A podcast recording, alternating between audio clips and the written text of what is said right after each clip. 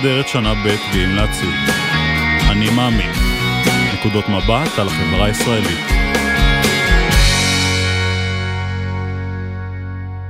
שלום לך יוגב. שלום נדב, בוקר טוב. בוקר אור, מה שלומך? אני נפלא, מה שלומך? יופי, שבח לאל. אז קודם כל בוא תציג את עצמך. אה, נפלא, אז אני אה, באמת יוגב, אני בן 19, חניך אה, בשנה ב' של מכינת אדרת, אה, גר באחוזת ברק, מדהים. שזה בעמק יזרעאל, למי שלא מכיר. ובוא עכשיו אה, תספר לי על מה כתבת את האני מאמין. אה, אז אני כתבתי את העבודה שלי על אה, תפיסת הגבריות הישראלית, ואיך היא משפיעה על הגבר הישראלי ועל החברה הישראלית בתורה. אז קודם כל אתה יוצא מתוך נקודת הנחה שלתפיסת הגבריות הישראלית יש השפעה על כל החברה הישראלית. כן, כן, אני מאמין שתפיסות מגדריות זה דבר שהולך מאוד מאוד עמוק, בהשפעה הזהותית שיש לה על, על כל פרט בחברה. מהמם. אה, ומתוך זה, מתוך זה שיש לה השפעה כל כך גדולה על כל אחד, אין ברירה וזה בעצם משפיע גם על כולנו. משפיע על הקשר שלנו אחד עם השני, אה, על היחס שלנו כלפי עצמנו, אה, על ההתנהגויות שלנו, על דפוסי, דפוסי ההתנהגויות שלנו, וזה בעצם ממש מקיף אותנו, וככה גם הגבריות. אוקיי, אז אה, בעצם למה שאתה... למה בחרת בעצם לכתוב על זה? אה, אתה חושב אבל שיש איזו בעיה בגבריות הישראלית, או שאתה משבח את הגבריות הישראלית? למה דווקא לשם? אה, כן, הסיבה שבחרתי לכתוב על זה היא שבעצם במהלך השנים שבהם התבגרתי עד עכשיו, אה, היו המון מצבים שבהם נתקלתי במין מין סתירה בין מה שהרגשתי שמצופה ממני לעשות כגבר, לבין מה שהרגשתי ש- שבאמת נכון לעשות. כן. או מה שבאמת טבעי לי לעשות. ואת הסתירה הזאת הרגשתי המון המון פעמים, גם לא רק לגביי, המון פעמים הסתכלתי על בנים אחרים, או חברים שלי, או סתם בנים שראיתי. אה, ובסיטואציות שונות, או בנגיד קשר עם בנות, או בקשר בין בנים לבנים, פשוט הרגשתי שהם עושים, מבצעים איזה מין תסריט כזה. אה, נמצאים באיזה כן. מין אה, משחק, שהוא פשוט אף פעם לא הרגיש לי אותנטי.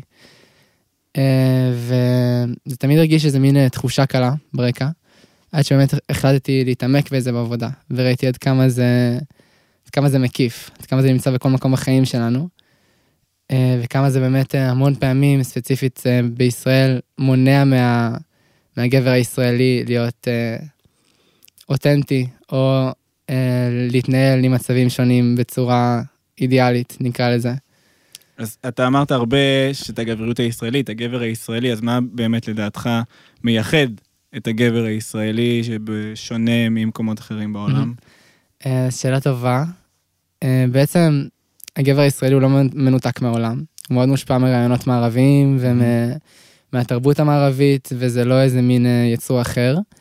אבל כן אפשר לייחד כמה כוחות שהם רלוונטיים ספציפית לנו. אה, בעבודה אני מצאתי שניים שהם עיקריים. הראשון הוא קודם כל אה, הציונות, הציונות ומודל היהודי החדש שהיא בנתה כש, כשעלינו לארץ. במילה, מה זה אותו מודל? אה, כן, היהודי החדש זה בעצם מין תפיסה ציונית ש... שעיקרה הייתה התנגדות למודל היהודי הגלותי. בעצם אה, היהודי הזה שחי באירופה בשטטלים ו... ולמד כל היום, בעצם הציונות רצתה ממש אה, לשבור את המודל הזה, אה, לבנות מין יצור חדש לחלוטין, שיהיה כשיר מספיק וחזק מספיק בשביל אה, באמת להקים את המפעל האדיר הזה שהיא רצתה ליצור פה. כן, בעצם מבחור חיוור ורזה שיושב כל היום בתוך החדר, נכון. לשזוף וחזק שעובד בשדה, או... נכון, חזק, עצמאי, שרירי. כן. כן. הדברים המרכיב. השני? המרכיב השני הוא, נקרא לזה מיליטריזם. מיליטריזם זה בעצם, אה, זו גישה, מד- מדינה מיליטריסטית היא מדינה שבה הצבא הוא נמצא במרכז בצורה מסוימת, שבה התרבות סובבת סביב הצבא, ו... הם- ולצבא יש אה, עדיפות אה, מאוד גבוהה בצרכים, בצרכים הלאומיים כן. בה. ואנחנו מדינה כזאת. אנחנו מדינה שהצבא לקח בה חלק מאוד מאוד גדול, גם לפני שהיא קמה. אה, עצם הלחימה וההגנה וה... וכל הדברים האלה, זה, זה עיצב את התרבות שלנו ואת אה, את הדרך בה אנחנו מתנהגים ואת המודלים שאנחנו מעריצים, נקרא לזה, גיבורי על שאנחנו מתחנכים עליהם, כל הדברים האלה מאוד מאוד מאוד מושפעים מהמיליטריזם. אוקיי. אה, ומן הסתם, בגלל שהצבא היא מערכת בעיקר גברית, מן הסתם שזה מאוד השפיע על תפיסת הגבריות. זאת אומרת, גם לפני הצבא, אחרי הצבא, כאילו זה משהו שהוא חלק כן, מהחיים כן, כן, שלנו. אפילו, עזוב, אפילו בני נוער, ילדים, הדברים שמתחנכים עליהם, בסופו של דבר הם דברים ש, שקשורים ל... שקשורים לצבא. כן, תאכל, תגדל, תהיה חייל. כזה. כן, בסגנון. אוקיי, אז בוא שנייה תפרט רגע, אז מה המהלך המחשבתי שלך במהלך העבודה? בתוך העבודה? כן. אה, אז בעצם אה, מה שהתחלתי זה באמת סקירה, כמו שאמרנו, על ההיסטוריה, על ממה מורכבת הגבריות הישראלית. כי אי אפשר לדבר על, אה, על הגבריות הישראלית בלי להבין שנייה מה היא, מה היא נוצרה. שם דיברנו על, על היהדות, על הציונות. כן, מה שדיברנו כן, מה עכשיו. שדיברנו עד עכשיו. אחרי זה דיברתי קצת והרחבתי על תופעות הלוואי, ככה קראתי לזה. מעניין. בעצם, כן, בעצם אה, נתתי לזה שם, אה, אמרתי שזה מין גלולת כוח, מה שהגבריות הישראלית. כי באמת אה, בהקמת המדינה היינו, היה צורך מאוד גדול בליצור יהודי חדש, ליצור דמות ישראלי שהיא מאוד חזקה, שהיא עצמאית, שהיא, שהיא שונה. וזו הייתה מין גלולת כוח שהיינו צריכים לקחת. אבל לא, לא תמיד חשבנו על מה ההשלכות שדבר כזה יכול לעשות. אפילו נראה לי שכמעט אף פעם. אה, ואת ההשפעות, אתה אומר, אנחנו רואים היום כן, באופן אה, כן, די לת- ברור. לטענתי, את תופעות לוואי לאורך השנים גם אה, רואים, הן ניכרות, כן, וצריך גם לדבר עליהן. לאורך ההיסטוריה או לאורך ההתבגרות של הגבר?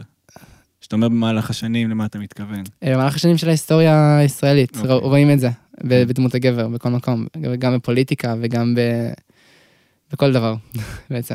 אוקיי. אז באמת אחרי שאנחנו נוגעים בהיסטוריה ואנחנו עוברים לתופעות לוואי, אה, שם אני מתאר בעיקר את ההשפעות על בני נוער, אה, ושם יש איזה מין אה, דגש חשוב שאני מוסיף, שבעצם אי אפשר להתבגר כבן אדם בנפרד מתפיסה, מתפיסה מגדרית. זה לא כן. דבר שהוא אפשרי.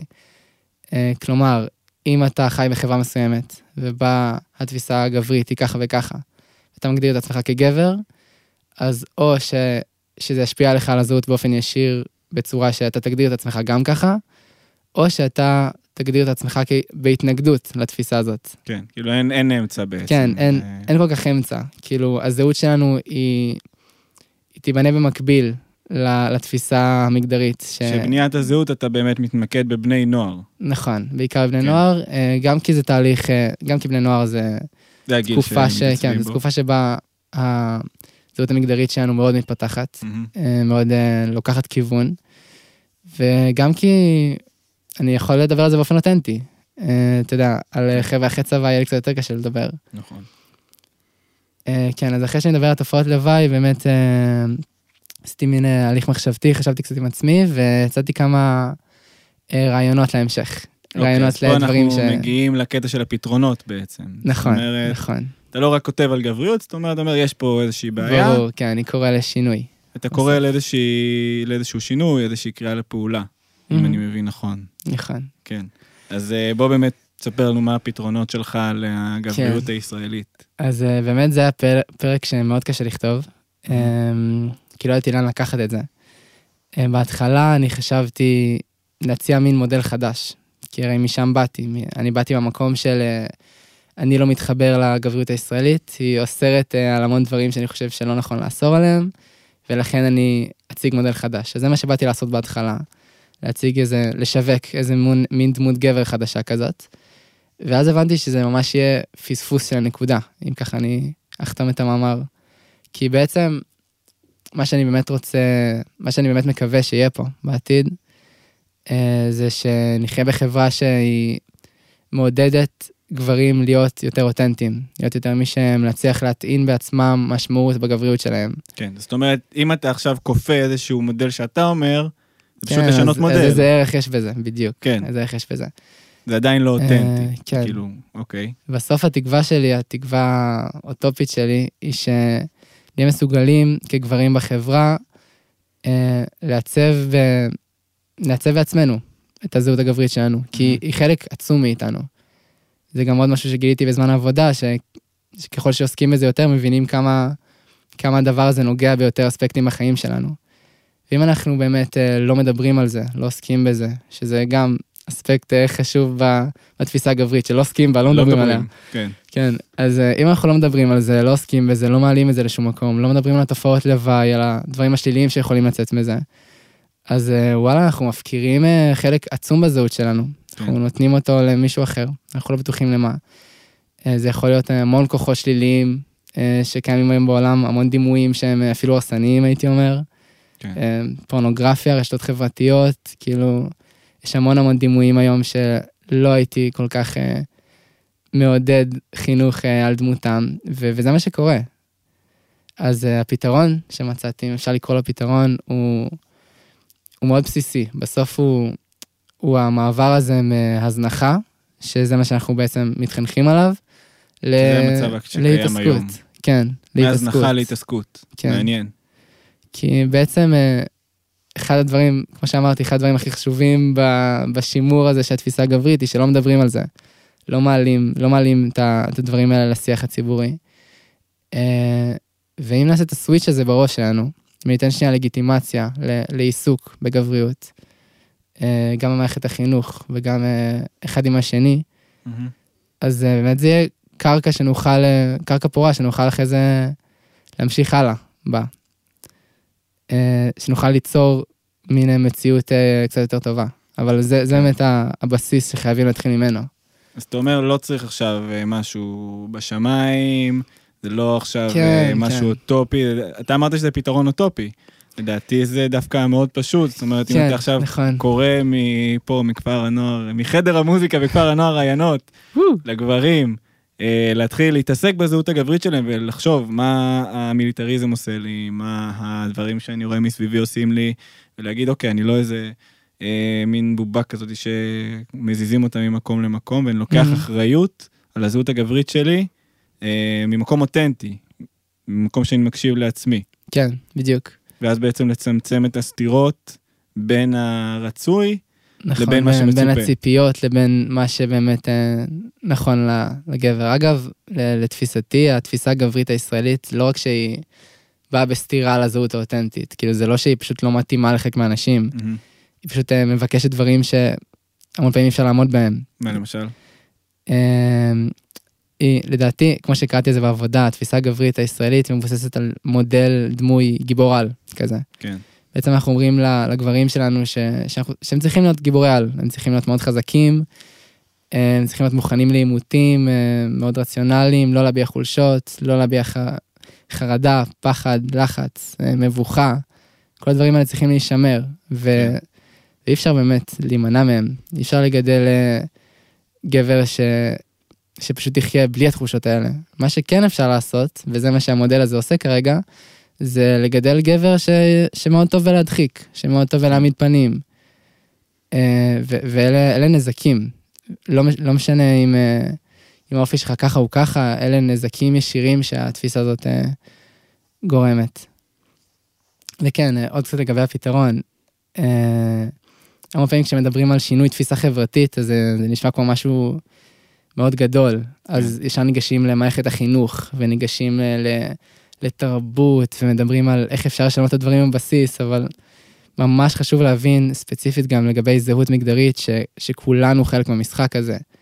כולנו מחנכים מבחינת, מהבחינה הזאת. מה זאת אומרת, כולנו מחנכים, גם אה, עובד העירייה ומחלק הדואר, הם מחנכים? כן, כן, אפילו ברמה הבסיסית. אה, חברים, אחים, הורים, אה, אנשים שעוברים מהצד ו- ורואים, אה, ורואים מישהו אחר ומגיבים על זה, כולנו במידה מסוימת מחנכים את מי כן. שמסביבנו. לכולנו יש השפעה על, אה, על איך הבן אדם אה, יתעצב בסוף. כן, וגם איך שאנחנו בעצמנו מתנהגים, כן, אנחנו נותנים. לגיטימציה לאחרים בדיוק. להתנהג נכון. כמונו, או... אם אנחנו נותנים. לגיטימציה לגברים באמת אה, להתעסק בזהות שלהם, או לדוגמה להביע סממנים, נקרא לזה, של גבריות שהיא לא סטריאוטיפית. כן. נניח אה, גבר עכשיו ש- שיביע את הרגשות שלו בציבור, אה, גבר ש- שיתעסק בעולם הפנימי שלו מאוד, אם, אם כחברה ניתן לזה יותר מקום, יותר לגיטימציה. לא נשדר כל הזמן ש... שאתה גבר ואתה צריך להיות חזק, או שאסור לך לבכות, או שיש כיוון אחד שאתה צריך ללכת אליו, אז, אז דברים ישתנו בעצם. כן. כאילו זה, זה, הקריאה הזאת היא מאוד מאוד מאוד בסיסית, היא לא, היא לא בשמיים בכלל. בעצם כל מי, ש, כל מי ששומע את זה ועכשיו יש לו מודעות כזו או אחרת, הוא בעצם כלי שיכול להשפיע על המציאות. תגובת אה, שרשרת אה, גברית, כן, שתתחיל להקשיב ללא לעצמה. ספק. טוב, מעניין, תודה רבה יוגב. תודה לך, אה, נדב. מאחל אה, לך בהצלחה בהמשך, ולכל הגברים באשר הם שם, שבאמת ילכו בדרך שלך, כי היא מעניינת וחשובה. תודה רבה. תודה לך.